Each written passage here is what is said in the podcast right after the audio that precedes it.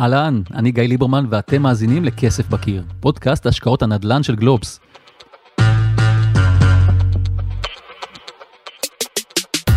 לפני כמה ימים נסעתי לחיפה והתארחתי בסלון של ישראל שחל, פנסיונר בן 71 ששיתף אותי בסיפור שיושב לו חזק על הלב ולא מרפה.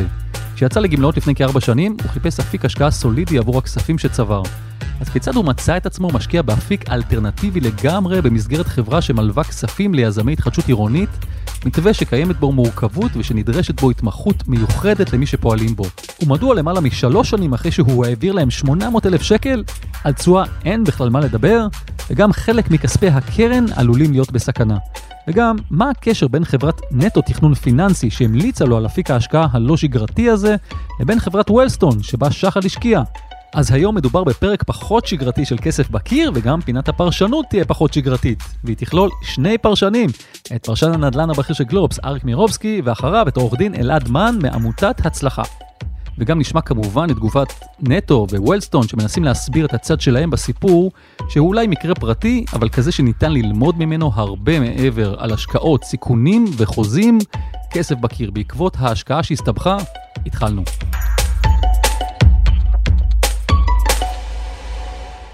שמי ישראל שחל, אה, גר בחיפה, אה, נשוי עם שלוש בנות ויש חמישה נכדים. אחת קטנה נולדה לא מזמן. ואני יצאתי לגמלאות ב-2017, סוף 2017, מחברה פרטית, חברת אלקטרוניקה. אז יש לי כסף מהפיצויי פיטורין כאלה ועוד אה, כל מיני סכומים שחסכתי, קרנות השתלמות וזה, חיפשתי השקעה אה, שלא רק תהיה קשורה בשוק ההון, שתהיה יותר אה, סולידית. ולא חייבת תשואה גבוהה, אבל שתהיה בטוחה, מה שנקרא. אני חושב שעל העניין של הסולידי, תכף אנחנו נדבר, כי אני לא בטוח שההשקעה שבסופו של דבר הלכת אליה היא כזאת סולידית. בוא נתחיל מההתחלה, אתה, מגיע לחברה, תספר כאילו איך, איך הגעת, למי, מי זו החברה ואיך הגעת אליה. אני לא זוכר בדיוק איך הגעתי, אני חושב שהם פנו אליי. כלומר, אה, אתה יודע, פונות אליך חברות השקעה, מציעות לך שירותים, ונטו תכנון פיננסי, פנו אליי, אשת מכירות בשם מיטל, פנתה אליי, הציעה לי השקעות. השקעות בחברות אה, השקעה, כמו, דרך אגב, הציעה לי אז חברות ביטוח, הראל, פניקס, וגם השקעה, מה שנקרא השקעות אלטרנטיביות. עכשיו, בהצגה שלה, ההשקעה הייתה סולידית, מה שנקרא, כלומר, לא שוק ההון.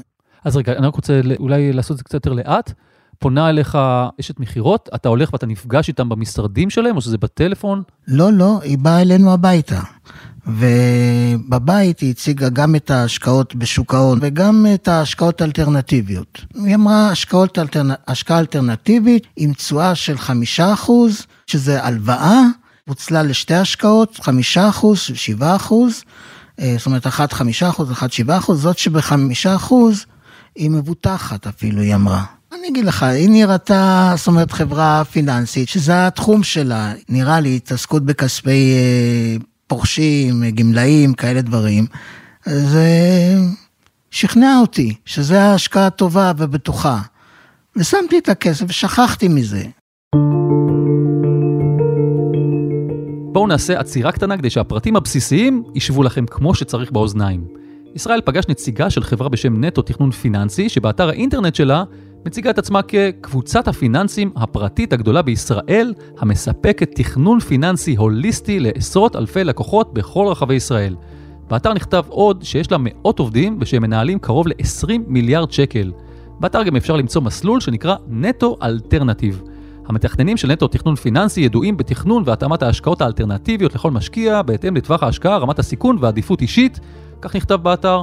קישור בעמוד הזה מוביל למשל לעמוד נוסף באתר שכותרתו להיכנס בדלת האחורית של ענף הנדל"ן, ושבו בין היתר נכתב על השקעה בתחום ההתחדשות העירונית, קרי פרויקטי תמ"א 38 ופינוי-בינוי, וזאת באמצעות קרנות חוב. הנה כמה משפטים מאותו עמוד. העובדה כי התחדשות עירונית נתפסת בקרב כל הגורמים המעורבים, הדייר, היזם, המדינה והרשויות המקומיות, כאטרקטיבית וככזו המספקת יתרונות לכל הצדדים, נוצר מצב שמלבד היתרון המובהק בפיתוח האזור וסביבת המגורים לצד הגדלת היצת הדירות, הפך התחום גם לזירת השקעה אלטרנטיבית פורחת דרך קרנות החוב הפועלות בתחום. זאת כאמור נטו תכנון פיננסי ששידחה לישראל את חברת ההשקעות וולסטון, שאת שמה לא מצאתי באתר של נטו פיננסי, אך כפי שתשמעו בהמשך, היא מהווה את זרוע ההשקעות האלטרנטיביות של נטו. גם לה יש אתר אינטרנט, ותחת הסלוגן שלה, פשוט להשקיע חכם, נכתב בין היתר כי היא חושפת את המשקיעים הפרטיים לעולם השקעות שהיה שמור עד היום למשקיעים אקסקלוסיביים בלבד, כדי שתוכלו ליהנות מהשקעות אלטרנטיביות מפוזרות, מגוונות, עם בטוחות חזקות ובעלות תשואה נאה. זה לשון האתר. תחת הלשונית קרנות נדל"ן נכתב באתר כי וולסטון נדל"ן הינה בין החברות הגדולות ביותר בישראל למימון פרויקטים מסוג תמ"א 38, באמצעות שותפויות מוגבלות, בהן היא משמשת כשותף הכללי לשון האתר. במילים אחרות, וולסטון מגייסת כסף ונותנת הלוואות ליזמי נדל"ן. תכף ניגע שוב בקשר בין שני הגופים הללו, ואולי חשוב מכך להבנת הסיפור שלנו, מה ישראל שחל ידע על הקשר הזה, אבל כעת בואו נחזור לישראל שמספר על הפגישה בה הוא חתם על שני הסכמים שבמסגרתם הוא השקיע 800 אלף שקל. אני הייתי בין, במשרדים של נטו פיננסים, שזה בחיפה, ויחד עם uh, מיטל, והייתה שם עוד uh, uh, נציגה שהיא כנראה נציגה של וולסטון. אתה רוצה לספר לנו מי זה וולסטון, או מה ידעת באותה נקודת לא זמן על ידעתי וולסטון? עליהם כלום, אחר כך רק הסתכלתי מי זאת. אני למעשה, לא יודע, אני, הייתה לי הרגשה שאני חותם מול נטו, שנטו היא הגוף האחראי. בדיעבד הכל, פשוט לא בדקתי. דרך אגב, הנציגה שם של וולסון אמרה שעכשיו עכשיו, חתם אה, אדם שהוא שופט בדימוס או משהו כזה, חתם על החוזה, והוא רמה, והוא חרש את זה ועבר על זה המון, אה, השקיע ב... ב- בניתוח החוזה ואמר שזה בסדר. ככה היא שכנעה אותי גם. יש לי שאלה, אה, כשאתה חתמת על, ה- על ההסכם, היית מלווה בעורך דין? לא, אני התייחסתי אל נטו כאל היועצים שלי. הבנתי. אם הייתי צריך עורך דין וכל זה, אז אה, כבר עדיף להשקיע בשוק ההון, אני יודע, לבחור, אה, אה, שוב, שוב, קרן אה, שמשקיעה באגרות חוב, אז היא עולה יורדת, אבל לא תנודתית מאוד. כי אני לא הייתי בור בשוק ההון, ידעתי שיש קרנות, אה, קרנות נאמנות, וככה אני משקיע עד היום בעצם. אה, ודווקא להשקעה הזאת התייחסתי כאל השקעה שאני לא צריך לחשוב, לא צריך לבדוק, לא צריך לעקוב. אה, מובטחת תשואה של חמישה אחוז, אחת שבעה אחוז. אז הוא השקיע 400 אלף שקל בשותפות שנקראת וולסטון נדל"ן 60P, וסכום זהה בשותפות שנקראת וולסטון נדל"ן 64. למעט אולי כמה פרטים, הן נושאות את אותו המסלול, כאמור מגייסות כסף ומשקיעות במיזמים. האחת בשני פרויקטי התחדשות עירונית בחולון ובתל אביב, והשנייה בשלושה פרויקטים בירושלים, חולון ורמת גן. חשוב להבהיר, ההסכמים נחתמו במשרדי נטו, אך יש בהם רק שני צדדים, ישראל שחל וחברת וולסטון.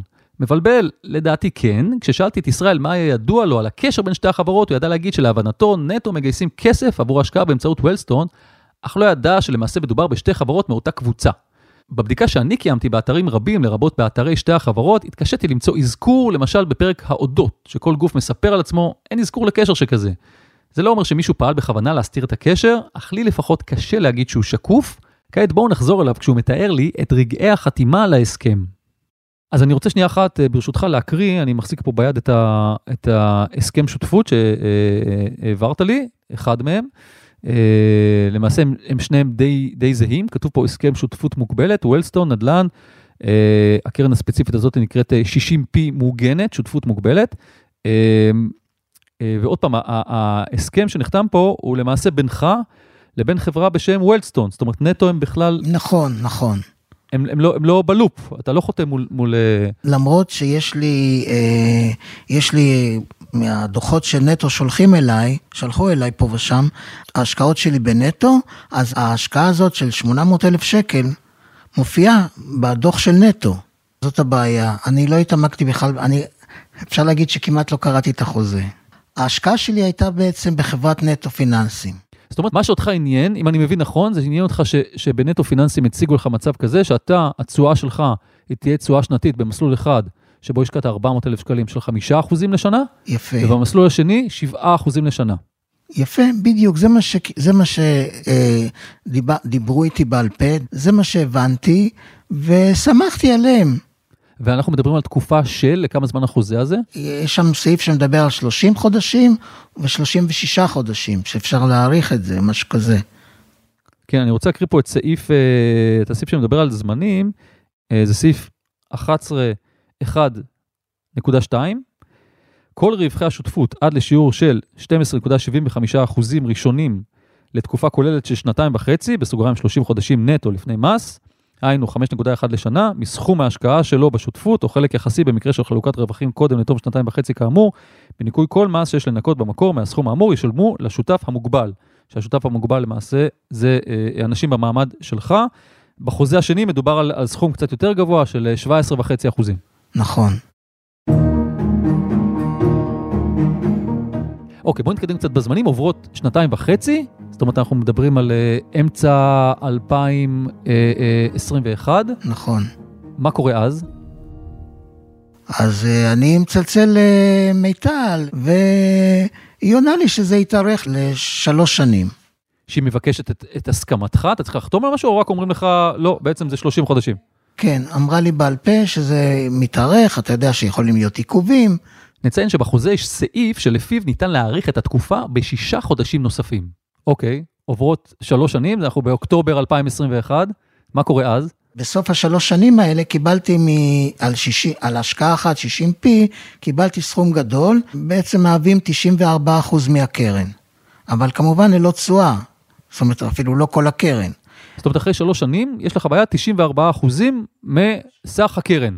מסך קרן אחת. מה קורה במסלול השני שנקרא 64? יש לי אה, סכום של 19,000 שקל מתוך 400, שזה פחות מחמישה אחוז, חמישה אחוז נגיד, מהקרן וזהו.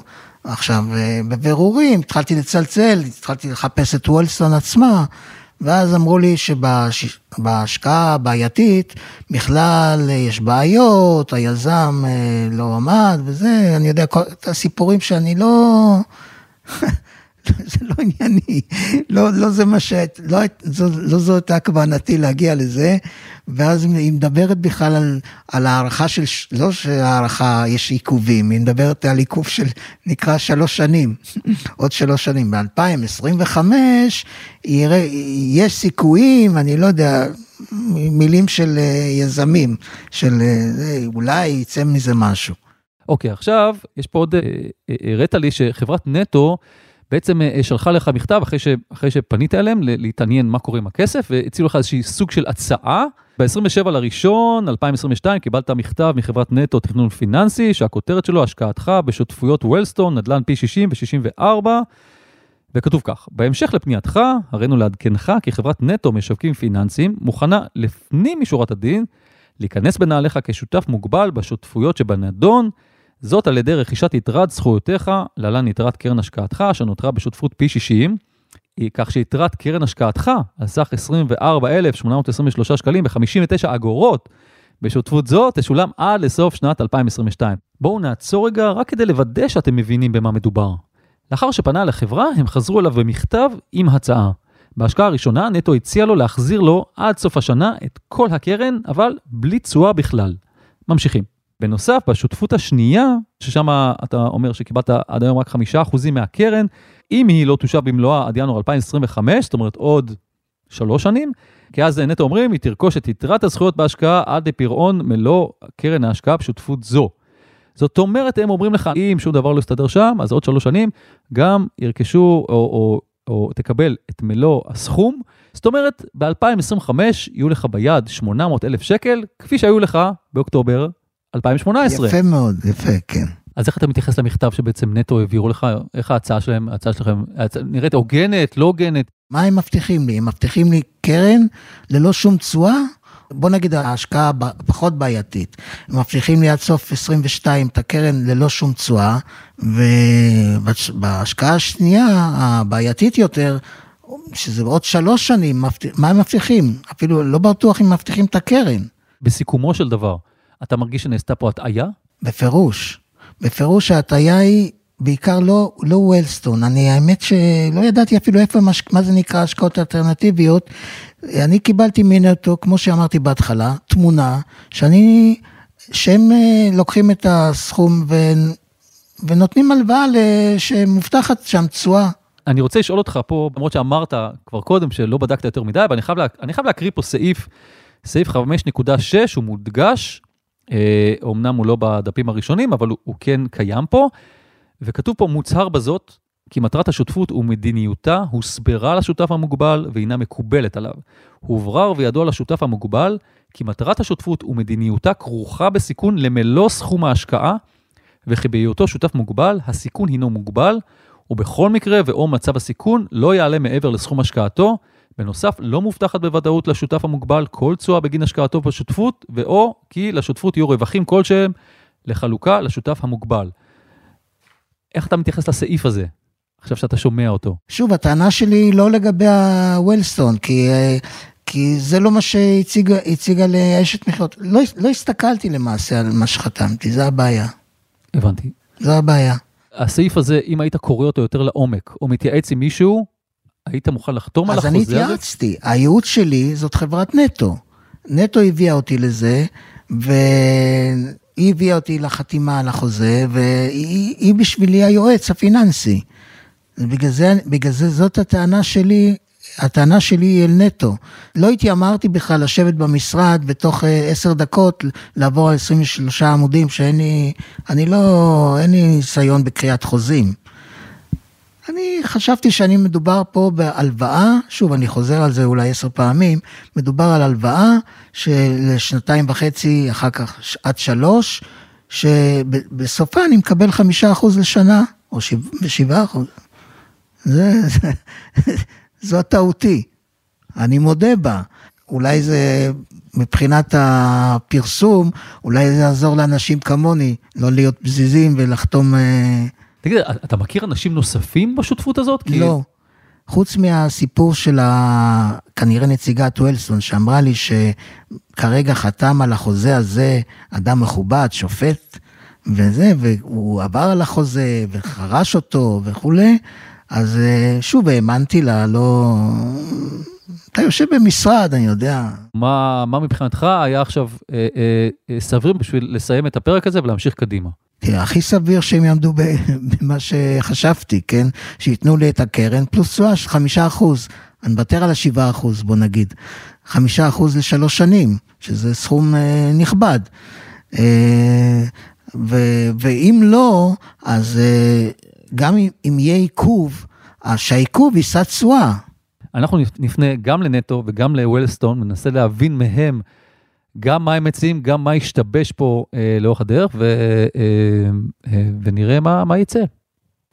יפה, כל הכבוד. טוב, ישראל, אני מאוד מודה לך. כן, תודה רבה. תודה.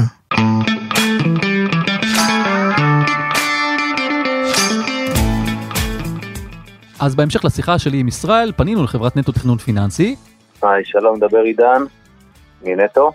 זה עידן כץ, מנכ"ל החברה. בשיחה שקיימנו הצעתי לו להתראיין אצלנו ולהשמיע את הצד שלהם בקולו שלו. לשמחתי, הוא גם הסכים.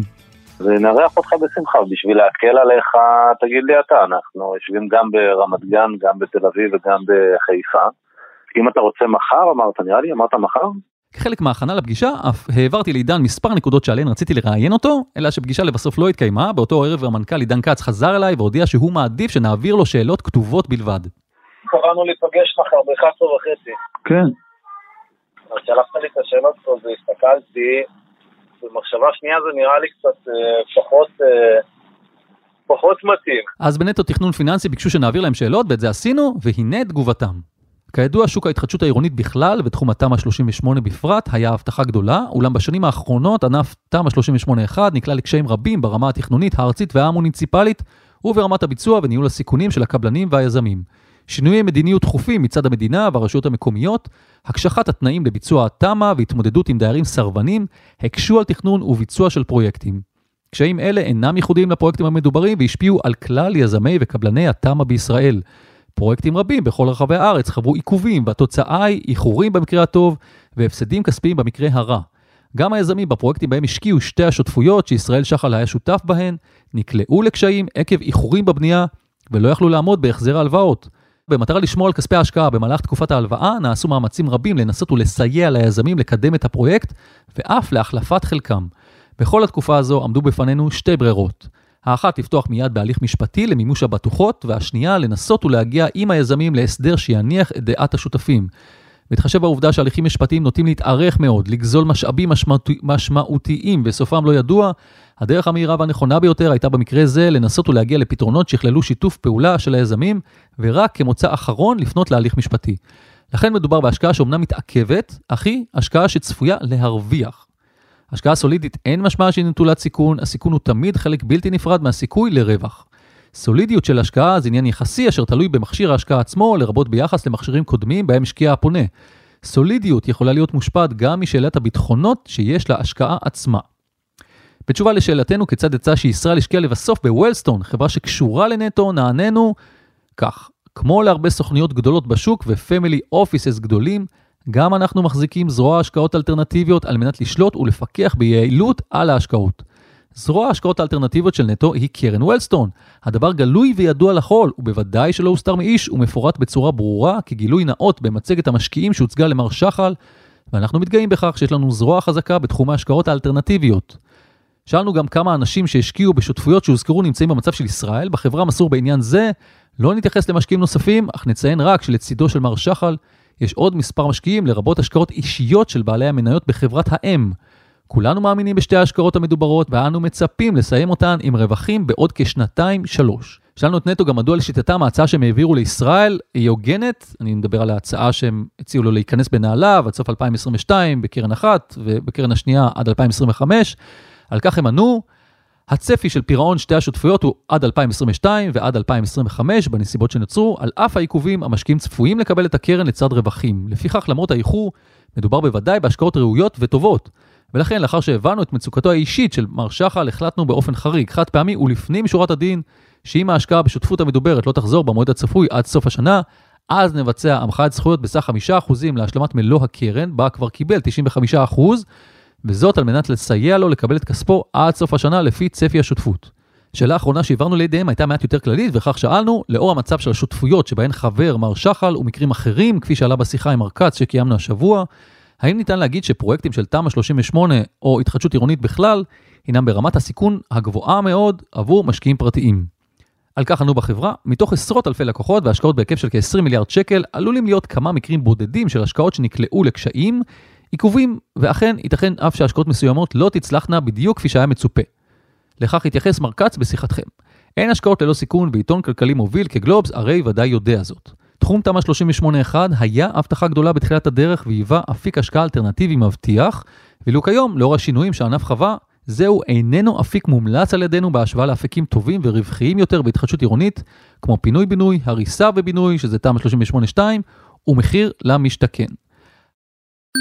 עד כאן תשובות נטו תכנון פיננסי ווולסטון, כשאי אפשר לסיים באמת בלי פינת הפרשנות שלנו. והפעם פינה כפולה. נתחיל עם פרשן הנדל"ן הבכיר של גלובס, אריק מירובסקי.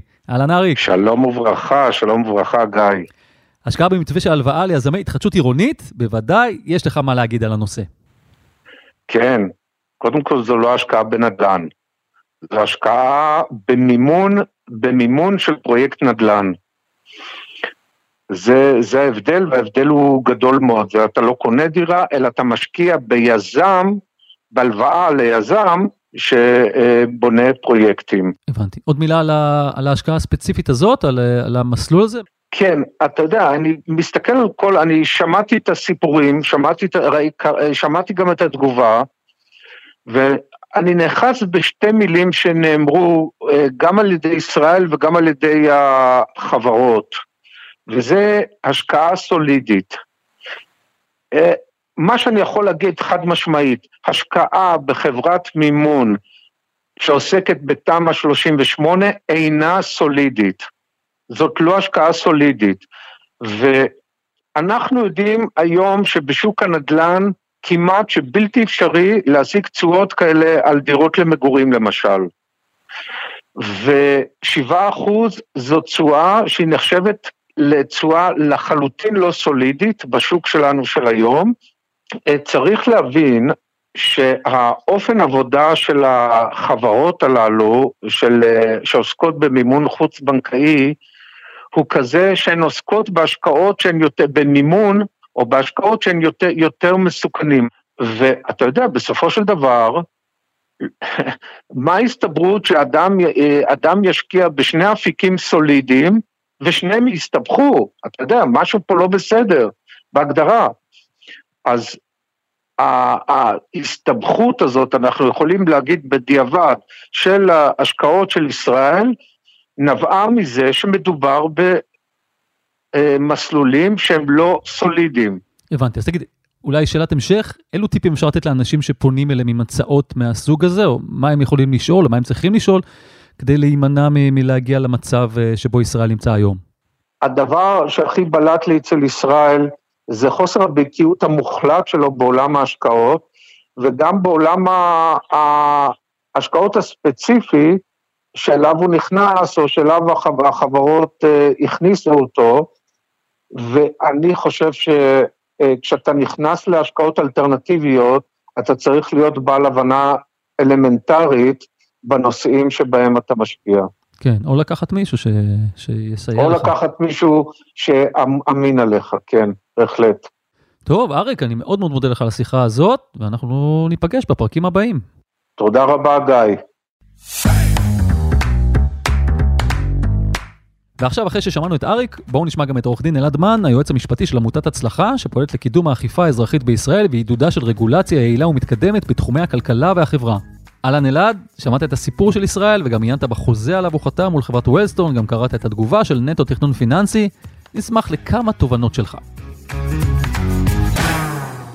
מה שמאפיין השקעות פרטיות בדרך כלל הוא הסיכון העודף שיש בהן.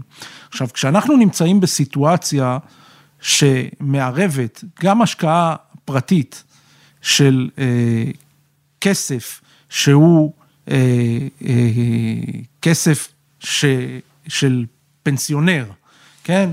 או אה, מישהו שבא לקבל ייעוץ ויש לו ציפייה מסוימת או חוסר ידיעה מסוימת, האינטרס שלנו, הציבורי בכלל, הוא להגן כמה שיותר על הסיטואציה הזאת מצידו של המשקיע.